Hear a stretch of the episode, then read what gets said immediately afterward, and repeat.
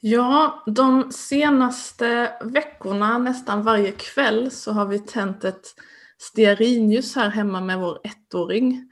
Eh, och han älskar verkligen det och, och är fascinerad av ljuset. Han liksom dras till ljuset. Och om man får tag i vårt ljus här hemma så brukar han ibland gå runt med det på dagarna och om man har ännu mer tur och får tag i en tändsticka så går han runt så här och försöker tända ljuset.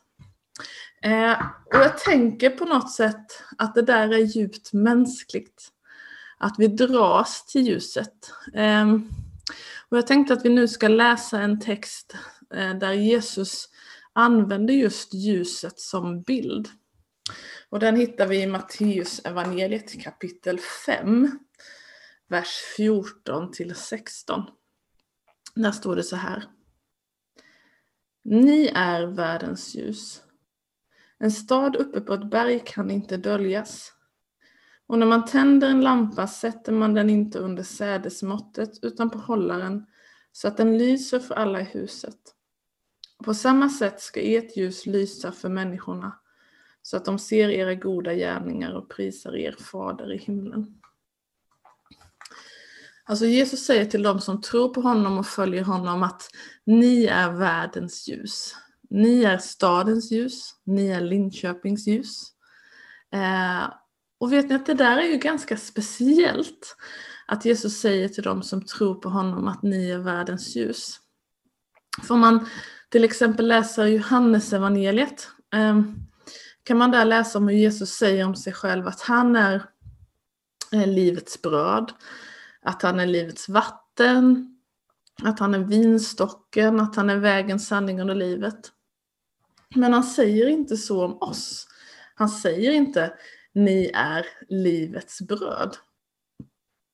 Men när han talar om ljus så gör han det. Jesus kallar sig själv för världens ljus, men också oss.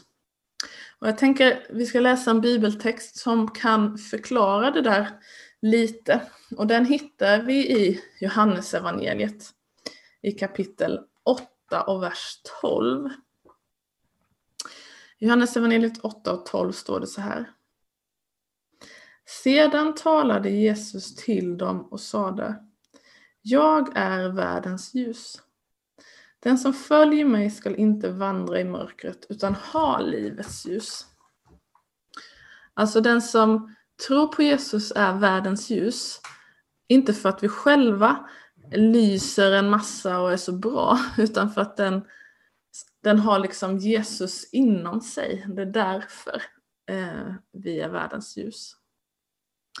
Eh, men kanske sitter du då hemma och tänker så här, men om jag ska vara ärlig så har jag det inte så bra med Jesus just nu. Eh, och hela den här perioden och grejen med corona har gjort det som att, eh, vad ska man säga, att tron, att tron går på lågvarv. Och sitter du hemma och känner så, då är du inte ensam. Jag har talat med många, många människor den här hösten som uttrycker sig så. Att tron går på lågvarv. Men ändå, trots det, så är vi ju tänkta att vara ljus. Och vi är ljus. Och då kan man tänka, men hur kan vi vara det? Jag vill liksom bara säga det igen. Vi, vi är ljus för att den som tror på Jesus har Jesus i sig. Det är han som är världens ljus och det är han som lyser genom oss. Och när Jesus säger att vi är världens ljus, precis innan det här, också i Matteus kapitel 5, så står det som brukar kallas för saligprisningarna. Och att vara salig kan man säga är ett annat ord som beskriver den djupaste lyckan. Men om ni skulle läsa saligprisningarna hemma i eftermiddag så skulle ni se att de beskriver något annat än det som vi ofta ser som lycka. Det står till exempel Saliga ni som är fattiga i anden, de tillhör himmelriket. Saliga de som sörjer, de ska bli tröstade. Saliga de ödmjuka, de barmhärtiga, de som håller fred och till och med de som förföljs kallas för saliga. Eh, ni kan ju läsa det sen själva. Men jag tänker just till dig som kämpar med tron i dessa tider. Till dig säger Jesus, saliga är de som är fattiga i anden. De tillhör himmelriket. Eller med andra ord, om jag liksom väldigt fritt får översätta. Lycklig är du som kämpar med din tro, som inte vet som vet att du inte klarar dig själv, att du inte klarar saker i egen kraft. För dig kan Jesus möta och visa sitt rike. Och jag tänkte ge ett exempel. Eh, för ungefär ja, tio år sedan nu så läste jag till fritidsledare här i Linköping. Och det var en period då jag kämpade mycket med min tro eh, och jag kände mig just fattig i anden. Och då kan man ju fråga, men hur kan jag vara ett ljus nu? Hur kan, jag, hur kan Jesus lysa genom mig? Och jag vet att det, eller minns det väl, att det var så att om det kom upp diskussioner i klassen och sådär så höll jag mig väldigt, väldigt gärna undan. Alltså när de här diskussionerna handlade om kristen tro.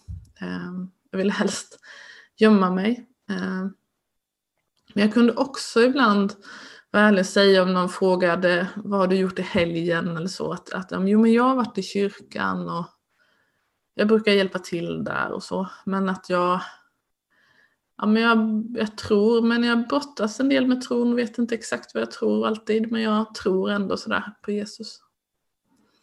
Och det var så, som var så spännande det var att när jag slutade där efter två år så var det två av mina klasskompisar som kom och sa till mig att jag hade hjälpt dem att hitta tillbaka till någon slags tro. Eh, och nu tror jag faktiskt inte det direkt var en tro på Jesus. Eh, men de hade tagit några steg i rätt riktning. De hade öppnat upp sig för att det finns någonting som är större. Så Jesus bor i den som tror, även den som kämpar med sin tro vill Jesus lysa igenom. Han vill använda dig med dina frågor, med dina funderingar och, och brister. Och då frågan på vilka fler sätt kan vi då få vara ljus? Jag tänkte ta och dela en berättelse till. Eh, men jag vill ju påminna om det just när man ger exempel. Att det är just bara exempel. Ibland fastnar vi och tänker okej okay, så här så här är det, om jag är ett ljus om jag gör exakt det hon berättade. Och det är inte alls det som är min poäng. Utan det här exempel och, och vi är ljus på så många, många, många fler sätt än det jag, än det jag nämner. Men i alla fall, jag ska berätta en sak till. Ehm, I högstadiet så hade vi en tjej i klassen som var, var mobbad. Ehm, och jag jag kanske inte skulle säga att jag direkt aktivt bidrog åt den här mobbningen eller utanförskapet. Men det var inte heller speciellt Nej, det var inte speciellt ofta som jag gjorde något åt det och det är verkligen inget som jag är stolt över.